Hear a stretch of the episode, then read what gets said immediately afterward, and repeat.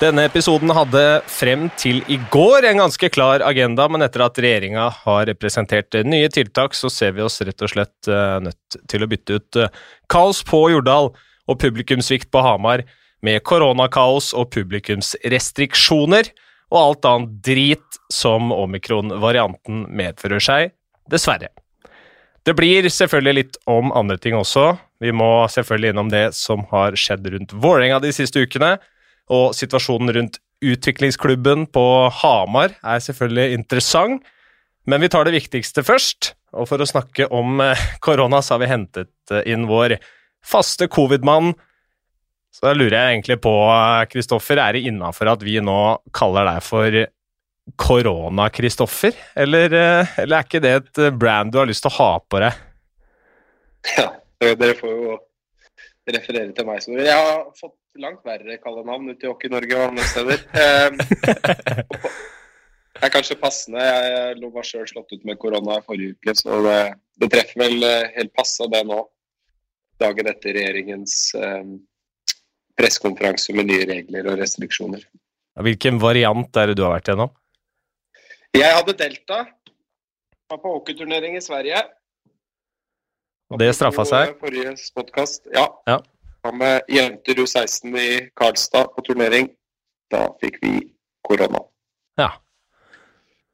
Ja, men greit. Sånn er det. det man veit jo aldri hvor, hvor, dette viruset dukker opp. Og nå er det altså ikke bare delta, nå er det altså omikron. Hva, hva kommer den til å gjøre med hockeysesongen, eller hva, hva er det som skjer nå, er vel egentlig åpningsspørsmålet her. Ja, den som hadde visst det helt sikkert.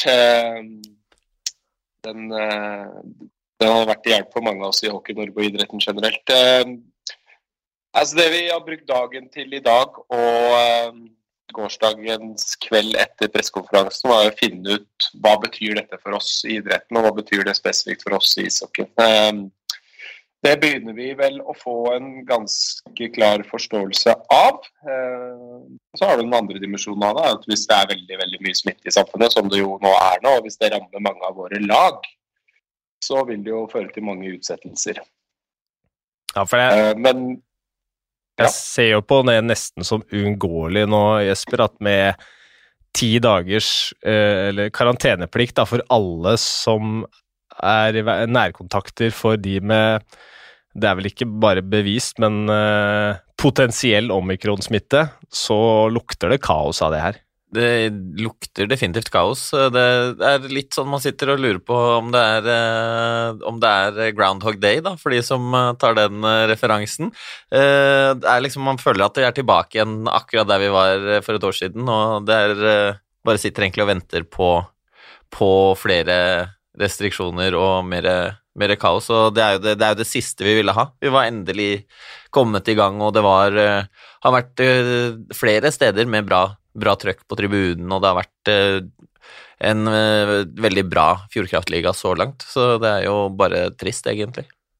Har mistet publikums altså, trøkket nå, Bjørn. Det, det er tårer i øyekroken, altså.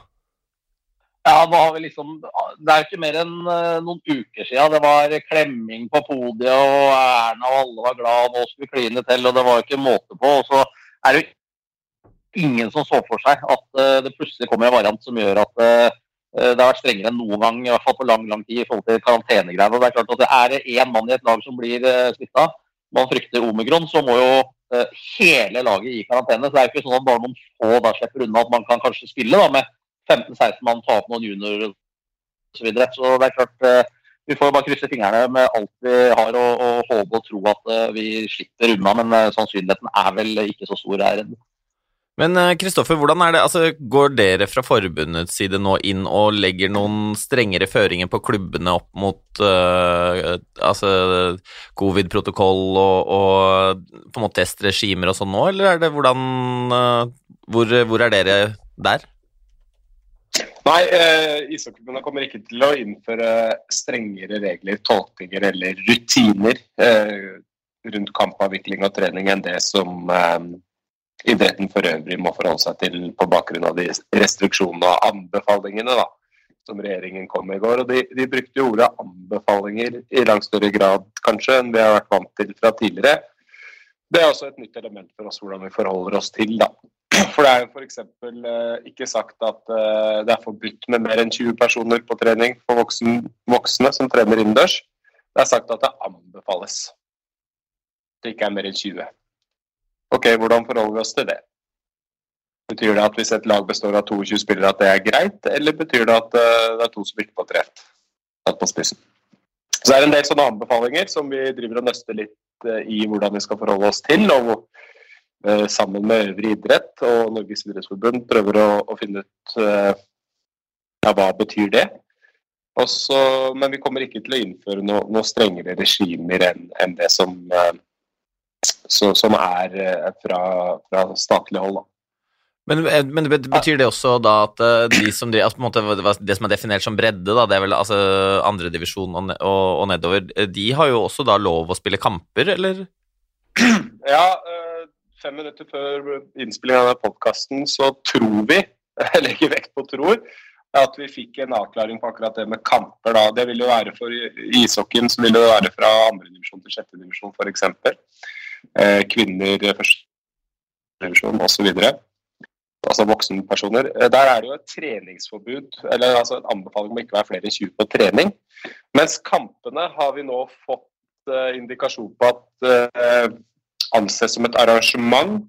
Og dermed så er kampene begrensa til 50 personer. Det vil jo i så fall bety at man kan gjennomføre kamp til en viss grad, hvis det er tilfellet. Vi var litt redd for at den aktiviteten ble berørt, men uh, med den beskjeden vi fikk tidligere i dag, så kan det se ut som også de kampene kan gå som oppsatt, uh, med mindre det blir smitte i lagene. Du sa jo at dere er nødt til å bruke litt tid på å nøste opp i de uh, rådene, anbefalingene, kravene som kommer. og det er ikke sånn at alt som blir presentert svart på hvitt, heller er svart på hvitt, da, sånn som denne regelen, uh, eller begrensningen med tre kohorter på, på 200 personer, som eh, eh, de fleste vel trodde kom til å gjelde for alle, den gjelder ikke for uh, utendørskamper i fotballen f.eks. Hva, hva tenker du om det? Uh, har meg til å mene noe om ishockeyen blir uh, forfordelt kontra fotball. Jeg, jeg, vet ikke. Det idretten generelt sett har vært opptatt av, er at du har så lik behandling av idretten som overhodet mulig. Um, og der uh, sleit kanskje de som lagde reglene litt uh, i forrige runde, syns vi. Uh, vi er opptatt av at vi skal følge regler, vi, som vi blir satt til å følge. Og så er det viktig for oss at ikke det er sånn at hvis man hyler høyest eller har størst gjennomslag i media eller annet, så skal man få bedre forutsetninger enn andre. Regler må være for oss alle, for menigmann og for rikmann og hva den skal være, like. Eh, og Hvis de vurderer da at er mye, at det er mye større sjanse for smittesporing-spredning innendørs i våre ishaller enn det det er utendørs på fotballkamper, så, så, vil jeg vel tro at de har gode eh, argumenter og god forskning som underbygger det. da. Så da skal ikke jeg mene så mye om det, tenker jeg. Da spiller jeg ballen over til Jesper. Jeg, spiller pucken over til Jesper. Meg, for jeg, jeg, kan jo synes, synes og mene litt. Uh, uh, og, altså For meg så fremstår det liksom, Hvis man så på pressekonferansen i går, så sier Støre sånn derre Alt er ikke logisk. Kommer ikke, vi, vi, kommer ikke til å treffe helt på eh, tiltakene her. Og så er det sånn det virker som at eh, man ikke helt da har tenkt på dette, sånn som altså, hockeyhaller, om du tar da om det er på Jordal eller Stavanger eller på Hamar, eller, altså, hvor det er god plass. da, Det er plass til 5000 mennesker. Eh, man tenker mer ja, i en teatersal eller på Colosseum kino så er det plass til 6, 7, 8, 900, altså noe i den duren, og ikke den derre Sånn som på Hvis man tar Jordal, da, det er flere innganger, du kan ha seksjoner, det er øvre og nedre plan. Altså det, er, det er eh, gode muligheter til å egentlig kunne hatt mer enn 600, da, men det virker som at det treffer det, Altså, man har ikke blitt eh, egentlig tatt hensyn til, da. Sånn jeg ser det. Bjørn, har du noe å fylle på med der? Ja, nei, men det, er jo, det har jo vært sånn hele veien. Og så kan man jo mene hva man vil om det er på en måte kalle det med overlegg, mangler et annet ord. Men det er klart, nå er det bare én runde igjen av, eh, av eh, fotballsesongen. Ehm, eh, så I utgangspunktet så var det rart at de ikke venta en uke til med pressekonferansen. Så at de kunne ta det fra neste uke og så si at det skulle være det overalt. Så hadde ikke fotballen blitt berørt allikevel. Men det hadde de ikke tid til, for nå er det så mye varianter som sprer seg, og smittetallene er så høye. Og så er vi jo litt uheldige med tanke på at vi hadde noen voldsomme utbrudd både i et par ishaller og i forhold til, eh, i forhold til eh, smitte mellom, mellom lag og dommere osv. den runden vi var igjennom i fjor. Eh, men det berører jo alle idrettene innendørs. Det er jo ikke sånn at man har man på en måte sagt at håndballen får ha mer, for der har det ikke vært så mye smitte enn en hockeyen. Og så får basketen ha enda mindre osv. Man har jo på en måte i hvert fall tatt alle innendørsidrettene likt. Og så er det jo naturlig å tro, og den erfaringa man har òg, at det er liten tvil om at det smitter mer innendørs enn utendørs. Og det har jo med luft og ventilasjon og sånne type ting å gjøre, naturligvis. Men eh, den, den kampen så du òg, kanskje? Den eh, som ble spilt på Anfield eh, mellom Liverpool og Atletico Madrid i Champions League. var vel en Var det på våren når dette her begynte? Ja, det var rett før hele greia brøt ut. Den matchen så jeg naturligvis. Og det er jo helt riktig det at det var jo fryktelig mange som blei uh, smitta der. Og det er klart at på en fotballkamp uh, og nå siste runde, så er det vel et par stadioner som kommer til å, å, og ha veldig veldig mye folk som blir stående tett i tett i tett og rope og skrike og hoie. Så, så det er naturligvis et veldig godt argument, eh, Jonas.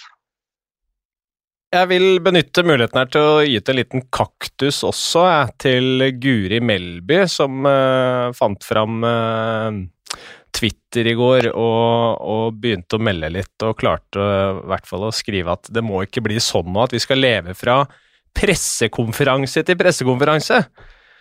Da lurer jeg på, Jesper, hva er det vi har gjort siden mars 2020? Det er vel eh, Det, det fremstår jo ikke helt gjennomtenkt, den eh, tweeten der, for å si det sånn. Har sittet i- i regjeringa sjæl, og, så- og, levd fra pressekonferanse til pressekonferanse. Nei, eh, Holm i deres eh, altså, eh, organisasjon, Norges ishockeyforbund, føler at det liksom har vært eh, veldig mye annet enn disse pressekonferansene som har vært styrende siste Ja, det er vi mer enn halvannet år, faktisk. Jeg skal ta bladet fra munnen, skal jeg si det at eh, Den største frustrasjonen til oss i idretten har jo nettopp vært mangel på informasjon. Vi har jo sittet eh, fra særforbund til særforbund og idrettsklubb til idrettsklubb og lag til lag, eh, og helt sikkert ned på trenernivå på hvert enkelt eh, lagsnivå innenfor klubber, og fulgt med på pressekonferanser og prøvd å tolke. For det er jo ikke sånn at aktiviteten vår pauser. Eh, Det er ikke sånn at Vi har ikke så veldig lang tid på å finne ut av disse tingene vi blir fortalt på pressekonferanser. og det manglende informasjon, manglende konkretisering og den, vår evne til å forstå hva som egentlig blir sagt på, på pressekonferanser, har vært helt avgjørende for å, for å prøve å følge reglene. Så at vi har levd fra pressekonferanse til pressekonferanse, og at idretten, som er en såpass stor samfunnsaktør som jeg er, har vært eh, underinformert eh, underveis, det, det tror jeg ikke skal være til diskusjon engang. Nei, og hva, hva syns du? Altså, det, det blir jo mye politikk ut av koronahåndtering også. Det, det ser vi jo tydelig nå, når begge sider har fått være på, på hver sin eh, Hva skal man si I, i begge posisjoner, da, både opposisjon og regjering. Men vi skal, vi skal la det ligge. Det skal ikke være helt eh, politisk kvarter, det her, kanskje. Men eh, kan kanskje hoppe over til, til landslagspausen, som er rett rundt hjørnet, da, Kristoffer. Eh, vi har jo sett eh, Petter Thoresen vært ute på tv2.no tidligere i dag og sagt at man ønsker virkelig å gjennomføre eh, reisen for A-landslaget, i hvert fall. At eh, risikoen for å bli smitta er jo til stede uansett om du er i Norge eller utlandet. Hva, hva tenker dere der? Ja, nå skal jeg ha et møte med de andre nasjonene når det kommer til A-landslagsturneringen i Sveits litt senere i ettermiddag. Eh, der er vi jo også avhengig av reglene i det landet vi skal til, om de er i stand til å arrangere. Eh, men vi har bestemt i Ishockeyforbundet at vi ønsker å reise med alle landslag som vi har planlagt reise for eh, nå kommende uke. Vil si U18, U18, U20, kvinnelandslaget og herrelandslaget ut av landet. Og så skal vi ha en turnering på Gjøvik. Vi mottar eh, motstandere. Det er planen vår. Og så er det noen sånne litt sånn halv eh, vurderinger som gjøres. Eh, utsetter vi noen for fare ved å reise? Nå er det ingen utreise- eller innreiserestriksjoner. Vi opplever at lagene våre er trygge og godt ivaretatt i de boblene de er når de er i utlandet. Så vi, vi vil si at den største smitterisikoen eh, spillerne utsettes for og støtteapparat, er jo på selve på, på reisen, på fly. Og så blir det en vurdering da, om det har større sjanse for å bli smitta på T-banen fra, fra Grünerløkka til Jordal når du skal på trening, eller når du flyr. Så Vi må prøve å ta de forholdsreglene vi kan. Blir det mulig å reise med lagene, så kommer vi til å reise så lenge reglene tillater det. Tar dere da med i beregningen eh, karantenemuligheter eh, for, for spillere som f.eks. skal tilbake? Jeg, ser ikke for meg at det kanskje frister for alle klubbledere å sende spillerne sine på utenlandsreise nå, eller? Det er absolutt en vurdering som må gjøres. Uh, nå er det vel sånn at vi er litt heldige med, med serieoppsettene. Det ikke er så mange kamper påfølgende uke før vi kommer hjem. Stemmer det? Jo, det er riktig. Det er vel uh, Som, uh, fra 18. 18. desember det kommer hjem, og så er det jo ikke kamper før 28. desember. Men er du så uheldig at det er omikronsmitte på det flyet man eventuelt kommer hjem med, da, så sitter jo, sitter jo spillerne da der, har vi en utfordring. Da har vi en utfordring. Og det er selvfølgelig med i vurderingen når vi vurderer at eh, hva gjør vi da.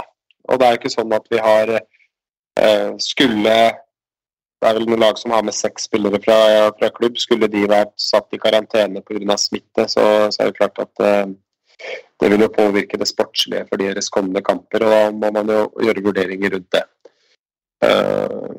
Så, men, men dette er jo den verden vi har levd i lenge og lever i fortsatt grenseoppgangen mellom det å gjennomføre aktivitet og hvilke konsekvenser det kan få. Nå var man nok litt mer forsiktig eh, i starten av eh, koronasmitten med at vi avlyste veldig mye arrangementer. Det opplever vi er veldig uheldig for de utøverne som er i den alderen og, og ikke får internasjonal matching og ikke får deltatt på landslag. Så er vi tilbake til det jeg sa i stad, at eh, så lenge reglene tillater det, og vurderingen til de som skal ha peiling på smittevern og, og, og de tingene, har vurdert at det er greit å reise utenlands og forholde seg til det, så tenker vi at ok, da må vi prøve, prøve å gjennomføre hvis vi kan. Vi lever i en verden Også, eh, preget av game time decisions, Jesper. Ja, definitivt. Det er uh, mye hva, Kanskje Hva skjer hvis? Må, det, det, er mange, mange Hva skal jeg si Det holder ikke med en plan A og B her uh, de, neste, de, neste, ukene. Det, må man planlegge for mange mulige scenarioer. Og som du sier, altså, det kan jo plutselig så, plutselig så er det smitte på et fly, eller altså, smitte på et hotell, eller altså, det, det, er, det, kan få store, store konsekvenser for flere av ligaene. Da. Ja, og så er det altså umulig å se i spåkula her, dette kan gå alle veier. Men en ting jeg lurer på, Kristoffer, eh, før vi runder av koronasnakken her, er jo at altså worst case så, så ender jo dette opp på samme måte som i fjor. Eh, da vil jo også opp- og nedrykk foregå på samme måte, så da lurer jeg på om har du, har du fått noen telefon fra Narvik som eventuelt nå vil rykke opp, er de fortsatt uenig i måten dette skal gjøres på? det er artig spørsmål, Jonas. Artig spørsmål. Jeg veit ikke. Jeg har ikke hørt noe fra noen eh, rundt det, det regelverket som er satt uh, i denne, denne, omgangen. Så tenker jeg at uh, det temaet blei både utprøvd og godt debattert i forrige runde, så, og således også i en rettslig prosess. Så jeg vil anta at, uh, anta at diskusjonen er, er, ferdig på det området. Nei, jeg tenker at er, den, er ganske, den, er ganske, klink eh, nå. Det skulle, det, skulle, det, bli sånn det er i dag, så er det Narvik opp og MS ned og ferdig med det. Du tror Per A. Flod kan slappe av i jula? Ja, jeg tror det. ja, men det er greit. Kristoffer, tusen takk til deg. Vi, vi høres sikkert en gang senere i denne pandemien, for at takk for bidraget så langt, i hvert fall. Takk for invitasjonen. Kos dere videre. Det skal vi. Ha det bra. Ja, da tenker jeg at vi hopper eh, litt tilbake i tid, egentlig. Eh, for som sagt i, helt i innledninga her, så var det jo eh, først og fremst Vålerenga som skulle på agendaen. Eh, Vålerenga har vært mye fokus i det siste etter eh, først eh, eh, dårlige prestasjoner, eh, et skademareritt, og så kom altså nyheten om at Kenneth Larsen hadde fått eh, tuppen, eh, Jesper. Siden den gang så har altså flere nyheter kommet. Mika Partanen er ferdig for sesongen. Eh, de har signert en spiller. Eh, ikke deg, men David Booth, som vi var innom for noen uker siden. Ja. Ja, nei, det, er, det, har skjedd mye på, skjedd mye på Jordal, og, og, det var jo Hva skal jeg si uh, Halvannen uke etterpå så stiller jeg fortsatt ganske store spørsmålstegn ved, ved den sparkinga av, av, Kenneth, i den forstand at det kan godt, man kan godt si at resultatene ikke har vært gode nok, og man måtte gjøre noe grep. Man har ikke fått til det man ønska, men hvorfor i all verden eh, sparka man Roy i sommer for å ansette Kenneth, for å så gi han 21 matcher. Det, for meg så henger ikke det på, på, greip, da. Og at man har Altså, hvis man velger å, å kvitte seg med den treneren man har hatt, så man vet hva man har, eh, og som har en, tyngde, en faglig tyngde i norsk hockey til å håndtere eh, på en måte mange av de skal jeg, store, store stjernene i Fjordkraftligaen, da, som har hatt de på landslaget i, mange år, uh, og man velger å gå inn med uh, en klubblegende som Kenneth Larsen, så skulle man jo tro at man hadde en langsiktig plan med det, og ikke uh, skulle på en måte forhaste seg til å, å gi noen fyken i, i, starten av november. Eller midten av november, beklager. Bjørn, har det synket hos deg, eller er du fortsatt uh, overraska du òg? Nei, Jeg er også veldig overraska. Og, og Jesper har selvfølgelig et godt poeng i forhold til at man har eh, hatt kontinuitet over tid med, med Roy, og så, og så, henter man på en måte eh, Kenneth fra Lørenskog. Eh, og så begynner det liksom å, så vidt jeg har skjønt, nesten å, å, brenne litt og rasle litt allerede etter 15-16 matcher. og da da lå de, lå fire poeng bak, eller et eller annet sånt. Altså, og tabellen har vært jevn som bare. Så, så for meg så, så, så virker litt sånn eh, panikkaktig hele, hele, opplegget der. Det må jeg få lov å si. Og så har jo liksom stem, altså sånn, sånn, som jeg har forstått det, da, stemninga blant litt av altså på en måte de lojale supporterne litt sånn rundt omkring i, i ganger på klubben, at, man, at, det har fremstått som man ikke har noe spillesystem, det har fremstått som at ting er på litt sånn på lykke og fromme, og de matchene man har klart å avgjøre, er fordi man har hatt gode spillere. Men altså, samtidig så er det litt sånn det er, det, for meg det fremstår 100% umulig at de som tar avgjørelsene på Hurdal, ikke visste hva de fikk når de signerte Kenneth Larsen. Det er en de kjenner ekstremt godt. Det, altså på, Og på godt og vondt. Uh, de må ha visst hva de, uh, hva de fikk. Og så kan man si at ja, ok, kanskje man ikke fikk ut det potensialet. Man klarte ikke å sette det spillet man ønska, altså alle de tingene. Men da fremstår det jo som en forhasta greie å gi han uh, sparken etter 21 matcher. I mitt hue, i hvert fall. Så spørsmålet ja, og så er jeg helt sikker på at f.eks. både Storhamar og Frisk ikke nødvendigvis er så innmari enig i at det har vært et skademareritt i Urdal.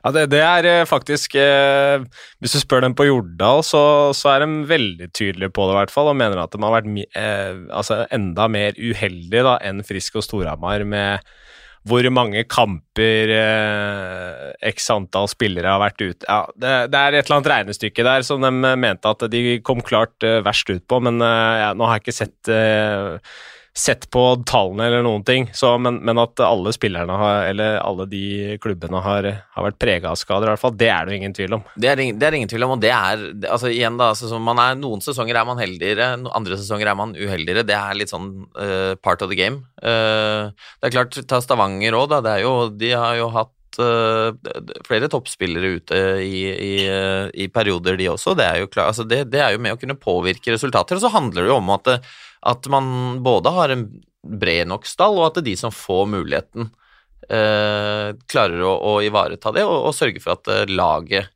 eh, skaffer seg resultater selv om man har, eh, har litt skade, skadetrøbbel. Så er spørsmålet hva nå, da? Um, vi har jo kunnet lese at um, Espen uh, Sjampo Knutsen um, han ser, for, ser for seg å lede dette laget lenger, eller vil fortsette som trener. Uh, hvem som er hovedtrener og det greiene, det dreit han visst i, men at han, Joakim Svendsen og Frikk Juel skal lede dette laget, i hvert fall ut sesongen, er ønsket hans. da. Hva tenker du om det? Nei, det er klart, altså det, da vet uh, igjen, da er man tilbake, da vet man hva man, hva man får. det er klart, Espen har hatt det, det, laget i, i, i, mange år, han. kan man si at da er man kanskje Er man jo altså, på en måte litt tilbake der man var for noen år siden. Uh, og så må jo klubben vurdere om det er det som man ønsker, men eh, samtidig det er ikke, det er ikke, så, mange, det er ikke så mange norske trenere med tyngden til å ta over det Vålerenga-laget. Det, det er Petter Thoresen, kanskje, eh, men han er landslagstrener. Ja, Og- men bare ut denne sesongen Bare her. ut denne sesongen her. eh, altså, og Sist Vålerenga hadde en trener som hovedtrener som ikke var norsk, var vel i 97. Og, eller altså 96-97-sesongen var sist det ikke var norsk hovedtrener. Og, så det sitter nok langt inne på Jordal også å, kikke, til, eh, kikke til utlandet. Man ønsker jo å ha den derre den eh, hva skal jeg si norske profilen, den Vålinga-profilen, Og, og ja. Nei, det, det er jo Får jo se hvordan i så fall eh, Espen og Frikk og, og Joakim Svendsen håndterer den, den jobben.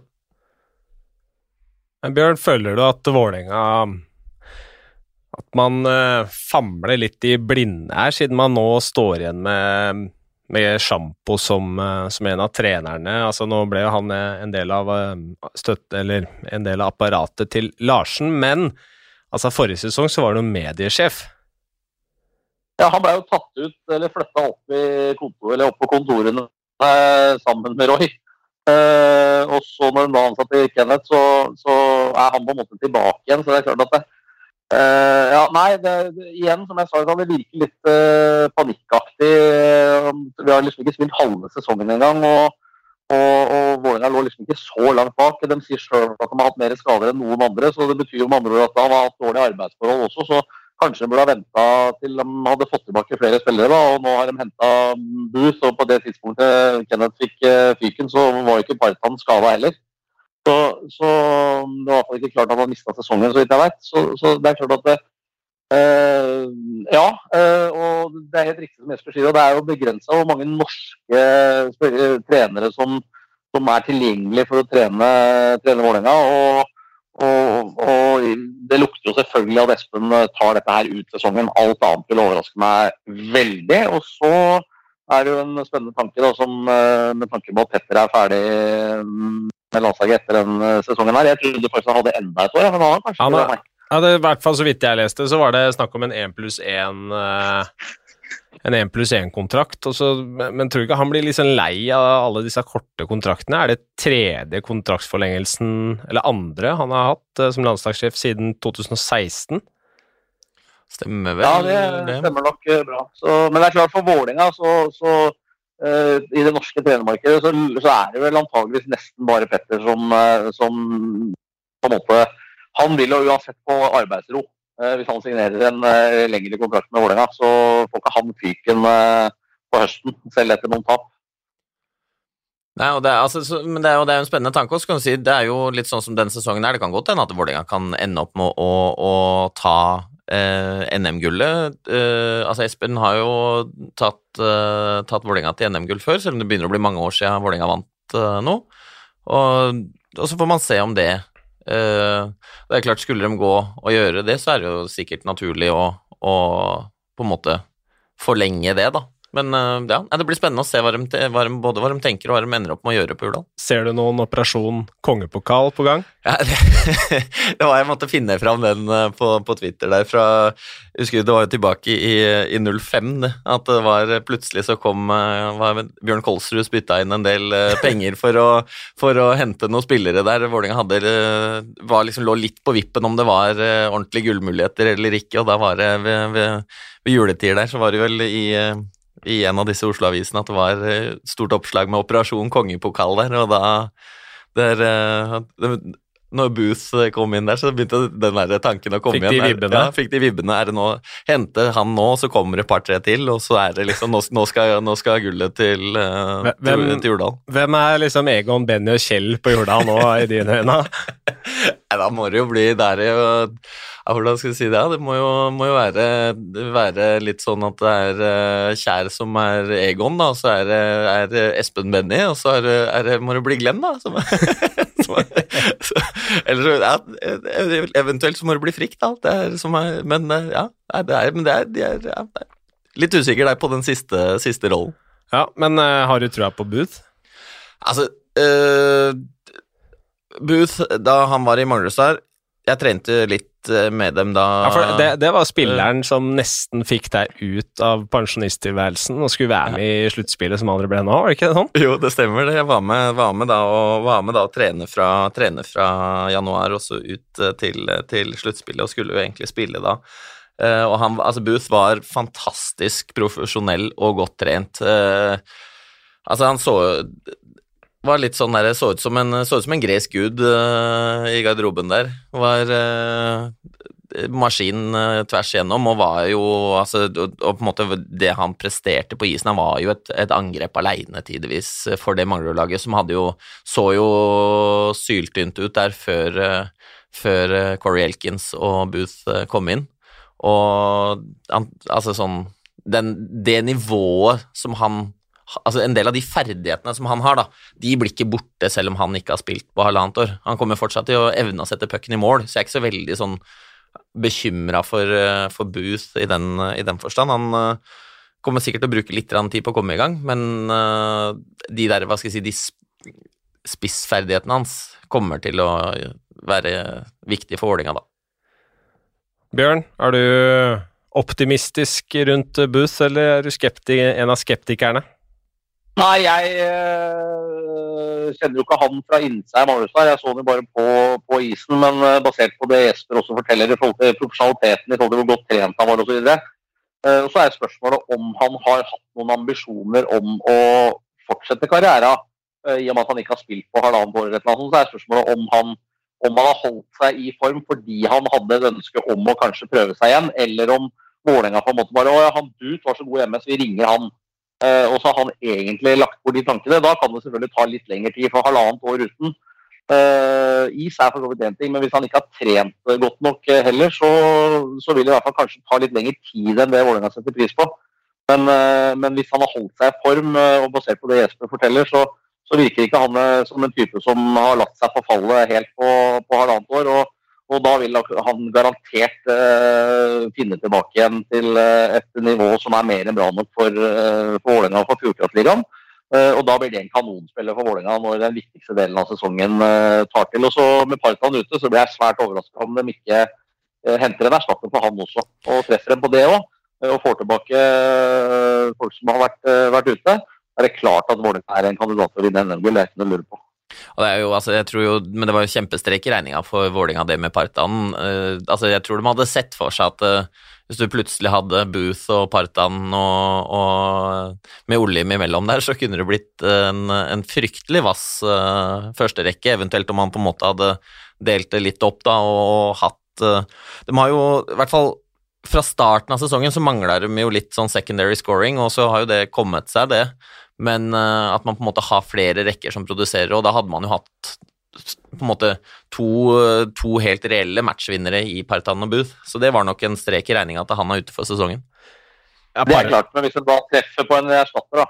Ikke sant? Ja, ja, ja, ja det, det er jeg helt enig i, men det er klart at det, den også er jo Det er jo ikke, det er ikke nødvendigvis verdens letteste oppgave å, å treffe like bra som det uh, midt i sesongen. Nei, altså er jo markedet er- virker å være altså blytungt. Eh, Det er jo det er visst ekstremt med spillere i Nord-Amerika som har lagt opp eh, pga. pandemien, eh, og at det ikke spilles Vi har holdt på så lenge i hockeyen, gutter, at eh, selvfølgelig har Booth sin kamerat. Kom igjen, da. Ja, hva, hva driver han Elkins med nå? Ja, ikke sant? Altså, du tar en kamerat. Når Partan var det første vi ikke gjorde det, det er jeg helt sikker på. Ringte Booth. Du har ikke en til, da. Ikke sant? Corey Elkins har ikke spilt siden uh, han var i garasjen. Kanskje Re reunion på Jordal. Ja, det er, det er sterkt. Det er ikke, det er ikke sjeldent Vålerenga henter eh, ålreite spillere fra Manglerud, Jesper.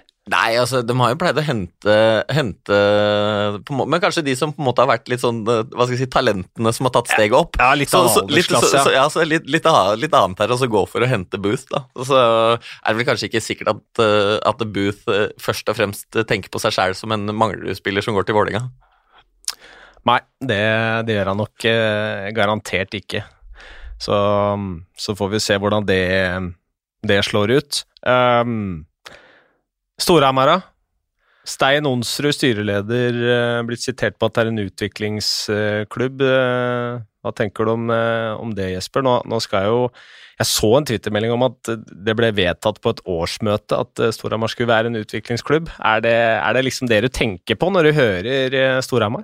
Nei, det er ikke det. Jeg syns det er uh, en veldig lite ambisiøs uh, strategi det er klart man skal Man må alltid, alltid på en måte Jeg så Sjur eh, Robert Nilsen også ute på Twitter i går og på en måte argumenterte litt for det. Man må sette tæring etter næring, og, og, og det er på en måte uh, Man kan ikke uh, på en måte profesjonalisere fullt uten at man har på en måte økonomien til det og, sånne ting. Men, men, og det er jeg helt, er helt enig i, men på Hamar, hvis man ikke altså I norsk standard ikke klarer å drive en klubb man, Hvis man går tilbake og ser da, altså nå er det to, Bortsett fra de to åra uten sluttspill, så var Storhamar tre av fem år i finalene, e, ett gull.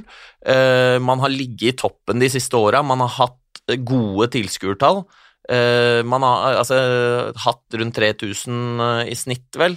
Og, og, og, hvis du på en måte i norsk standard ikke klarer å drive en klubb med de tallene der, og på en måte den posisjonen som Storhamar har i, i hele eh, området, og, og, muligheten for å få sponsorer og sånn der, så da må man begynne å, å, å, se på hvordan man driver klubben, altså. Bjørn?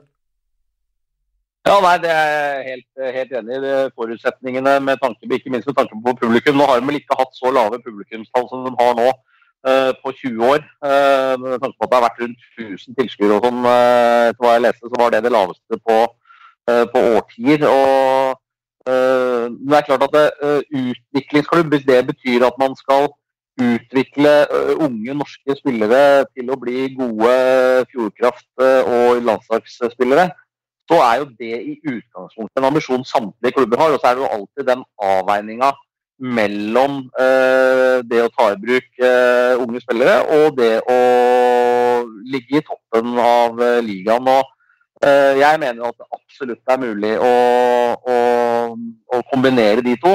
Eh, og For å bruke en klubb jeg kjenner godt, så, så har jo Frisk alltid hatt ambisjoner om å gi mye unge spillere sjansen, og, og de har vært flinke til det.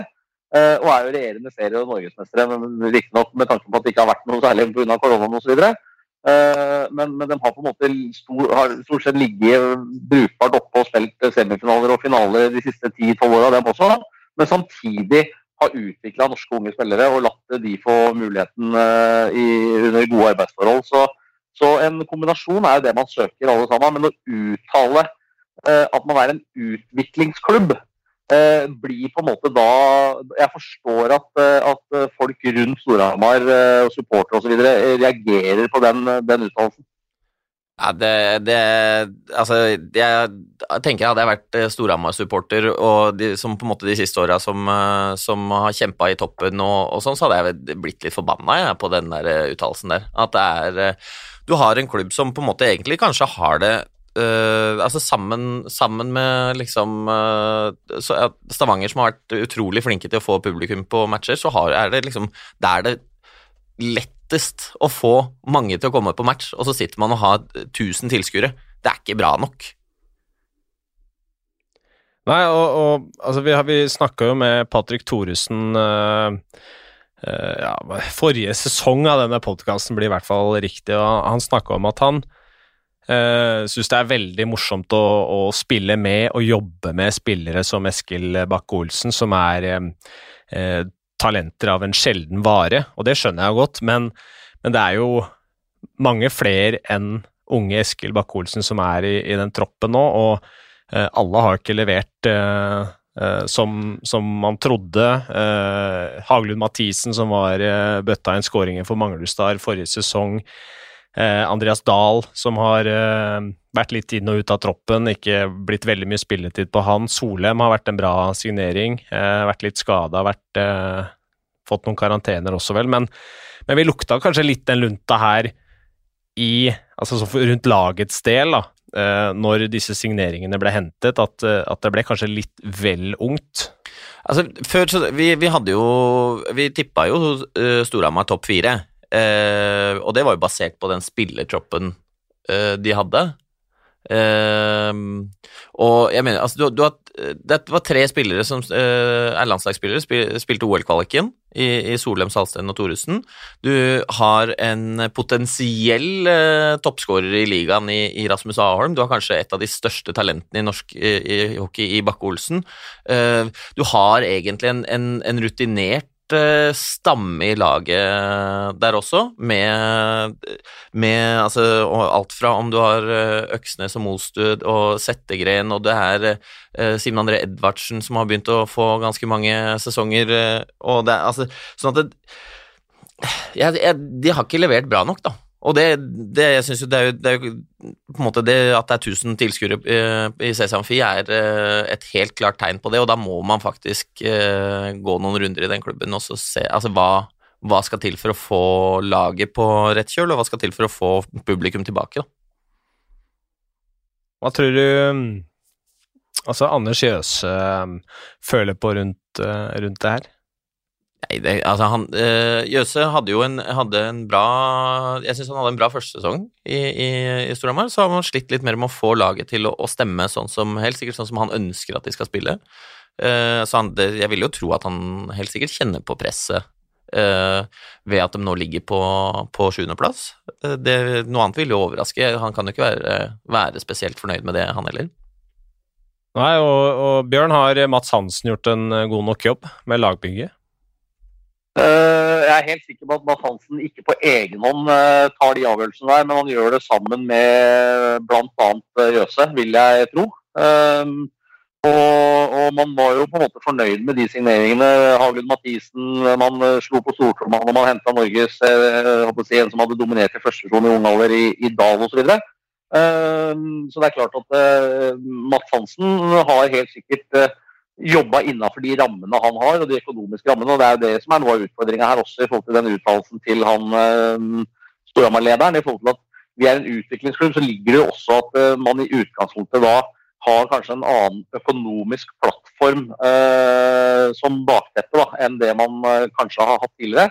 Eh, og som da ofte har ført til redningsaksjoner og VIPS-aksjoner og publikum som må inn med penger, og, og at man har fattige fetter og alt hva de heter der oppe, som har vært med å bidra til at eh, man har eh, klart å holde huet over vann i tunge stunder. Og, og, så har man kanskje da i større grad nå tatt litt mer næring eh, etter tæring, og, eller tæring etter næring, eller hva det heter. Og så uh, er det det som på en måte er resultatet. Men jeg syns allikevel at det er litt rart å kanskje gå ut og si det. da. En ting er at man på en måte har den tanken innad, og man ønsker at man skal kunne utvikle spillere over tid osv. Men det å uttale det i en sånn tradisjonsrik klubb som Storhamar, hvor de aller fleste ser på som en klubb som skal være tittelkandidater, det blir litt, uh, blir litt gærent. Men, uh, men vanskelig å vite hva Mads Hansen har hatt av, av økonomi osv. Og, så og, og, og forsterke det Storhamar-laget. Og så har vi jo selvfølgelig vært veldig plaga med, med, skader. Selv om den visste jo om Eh, bl.a. Delaros osv. At han ikke kom til å være med fra start. Det, det kom jo ikke som noen overraskelse, det. Men da har man antageligvis tenkt at vi,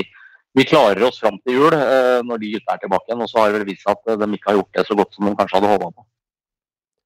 Hva tror du om eh, motivasjonen til, eh, til Patrick Thoresen oppi alt dette her? Han, han, er ikke en gammel mann, men han begynner å dra litt på åra. Han får spørsmål hver sesong når når, når er det over? Han tar en sesong til. Han dominerer eh, totalt eh, i, på isen fortsatt og bærer et skadeskutt lag på, på sine skuldre. Nå er riktignok David Morley poengkong i ligaen, men uh, Thoresen har vært en av de desidert viktigste spillerne for sitt lag i, i, hele ligaen.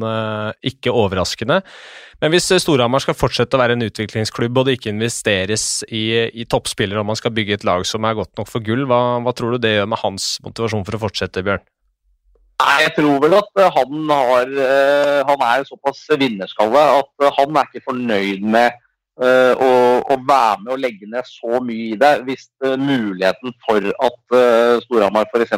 skal spille finale hvert år ikke er til stede. Og når jeg sier hvert år, nå kommer antageligvis ikke Patrick til å spille så altfor mange sesonger til, men holder han seg skadefri, og, uh, så, så, vil nok han ha, ha, lyst til å fortsette. Men det er klart at uh, hvis signalet fra ledelsen uh, osv. er at vi mest sannsynlig ikke kommer til å være en, en kandidat uh, på det nivået i de nærmeste åra, så er det klart at eh, det kan nok eh, gjøre at eh, Patrick eh, teller på knappene en sesong eller to tidligere enn han egentlig hadde tenkt til.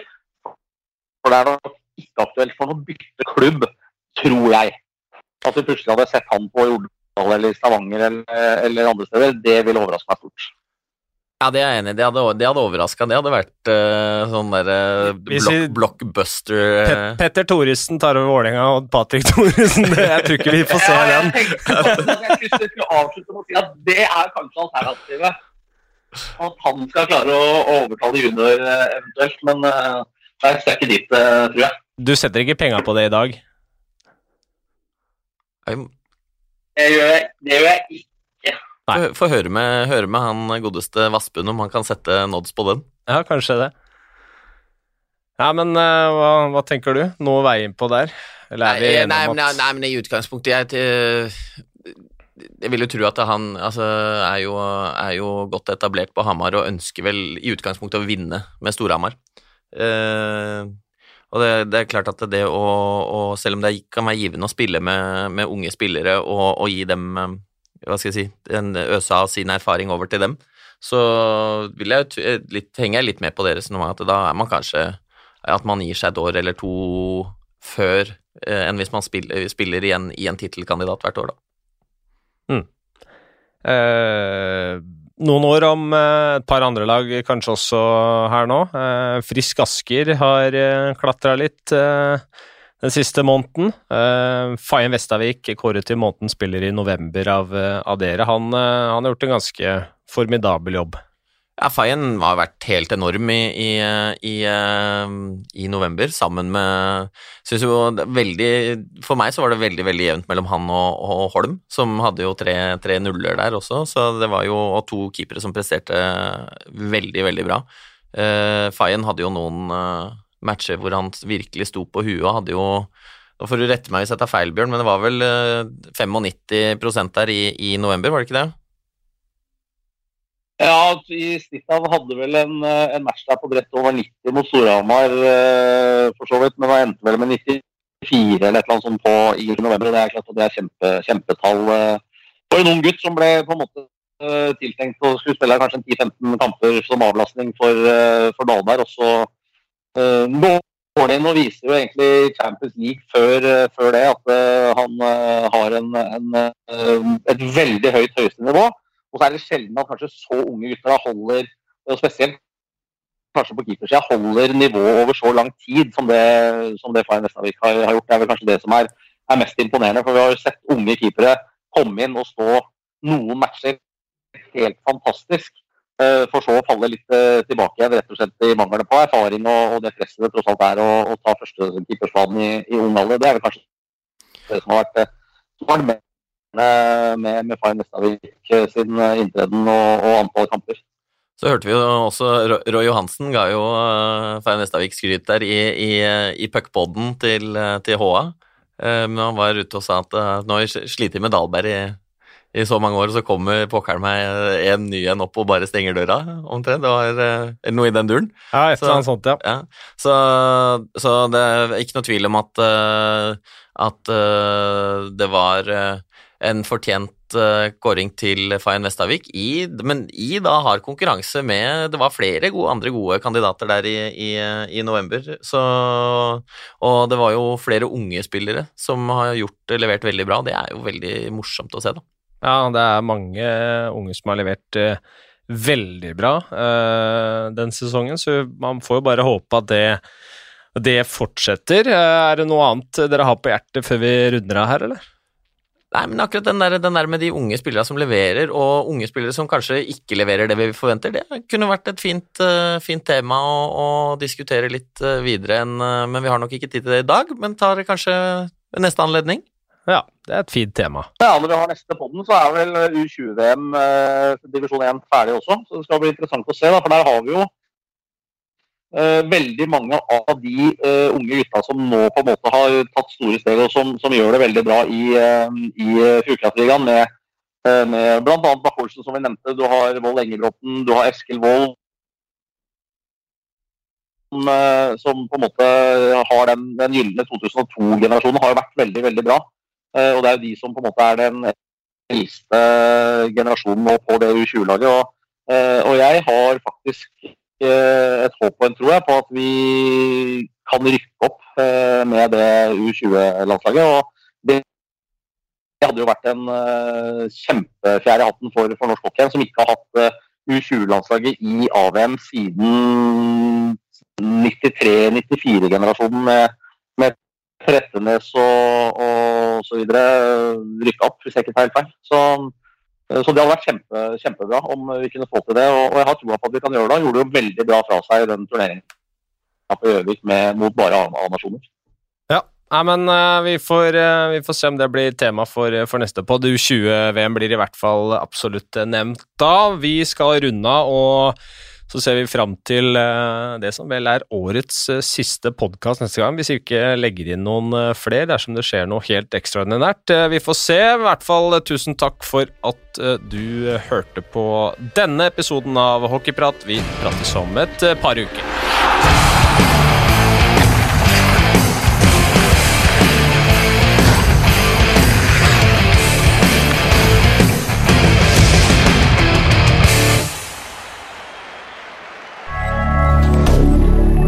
Moderne media.